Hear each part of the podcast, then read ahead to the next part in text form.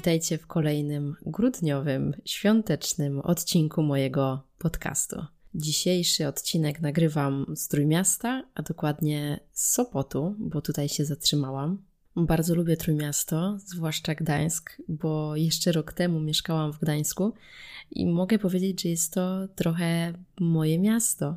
Przyjechałam do Trójmiasta zrobić formę. Oczywiście nie da się tej formy zrobić w jeden weekend, natomiast e, w Gdańsku jest mój trener, z którym mam zamiar trenować i regularnie się widywać, właśnie po to, żeby zabrać się do ćwiczeń, do budowania sylwetki od podstaw. Uważam, że dobrze mieć swojego trenera, jeżeli zaczynamy coś robić, cokolwiek by to nie było, ponieważ bardzo łatwo jest się nauczyć źle, e, jakiś taki nabrać nawyków, które ostatecznie nie będą służyć i które nie będą poprawne, a wiadomo, ciężko się oduczyć tego, co się już nauczyło i tego, co weszło w krew. Łatwiej jest się uczyć od nowa, więc trener od samego początku myślę, że to jest podstawowa zasada i złoto. Jest już dobrze za, za połówką grudnia, nie ma śniegu tutaj na Pomorzu. Na szczęście, strasznie się cieszę. Natomiast e, całe miasto, tutaj Trójmiasto, Gdańsk, Gdynia, Sopot, jest świątecznie przystrojone. W sklepach jest w opór dużo ludzi. Dzisiaj sama tego doświadczyłam, ponieważ kupowałam jeszcze prezenty i ostatecznie udało mi się wszystko kupić, także wszyscy, co mieli dostać prezent, e, dostaną ten prezent i turbo mega się cieszę, że, że mam to z dyni. Ja raczej jestem osobą, która gdzieś tam na samym końcu kupuje te prezenty. Rzadko kupuję wcześniej i, i online.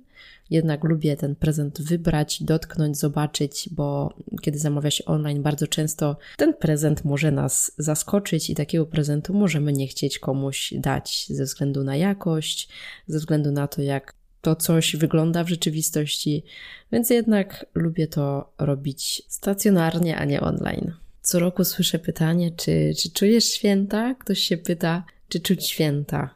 Jak to w ogóle się odczuwa te święta? Kiedy tak naprawdę te święta to są trzy dni w roku 24, 25, 26 a mamy 365 dni, czyli tak naprawdę to jest taki trochę weekend, ale wiadomo, że większość z nas bierze sobie jakieś wolne, dodatkowe, więc powiedzmy jest to jakieś 5 dni albo i więcej.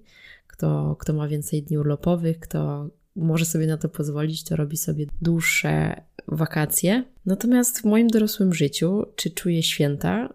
Święta pewnie będę czuła w momencie dnia Wigilii, czyli wtedy, kiedy będę jadła wszystkie przepyszne, fantastyczne wigilijne potrawy i wtedy, kiedy będziemy sobie wręczać prezenty, a potem siedzieć, rozmawiać i cieszyć się rodzinnie sobą. I zupełnie inaczej święta wyglądały kiedyś, y, kiedy się było dzieciakiem.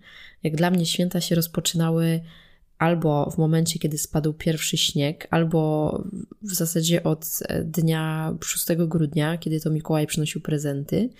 I te święta trwały dla mnie do momentu, kiedy się zwijało świąteczne dekoracje, kiedy się zwijało choinkę, kiedy śnieg już topniał, to był koniec świąt dla mnie. Czyli to długo było. A teraz święta trwają powiedzmy do pięciu dni, a po wszystkim nawet jeżeli się nie chce, to i tak od kogoś się usłyszy święta, święta i po świętach.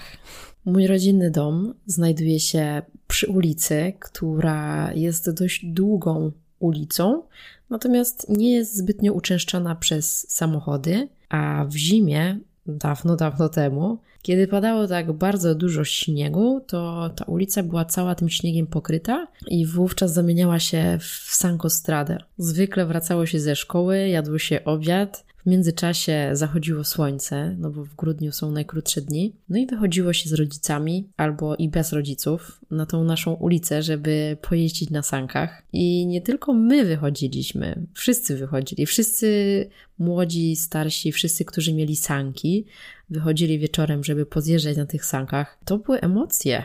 To naprawdę były emocje i każdą osobę w ogóle można było poznać po sankach. Było ciemno, więc jakby średnia była widoczność, ale właśnie z oddali było widać, kto ma jakie sanki, a były różne sanki.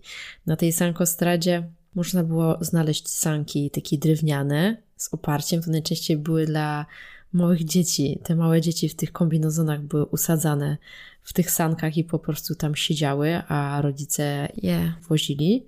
Były też sanki takie ciężkie, zrobione nie wiem z czego, ale one były przeciężkie. To miał mój sąsiad. Były też sanki już takie, wiecie, bardziej na wypasie z kierownicą, e, plastikowe, z takimi płozami plastikowymi, więc takie nartosanki w zasadzie. No, więc one były kozackie, drogie pamiętam były te sanki, nie miałam takich. Dużo było też sanek zrobionych przez kogoś takich handmade, właśnie z kierownicą. One były bardzo niebezpieczne, ponieważ podczas wypadku można było sobie zrobić dość niefajną krzywdę. I w ogóle wychodzenie na te sanki to był taki zimowy standard. Jest zima, jest śnieg. Co robię? Wychodzę na sanki.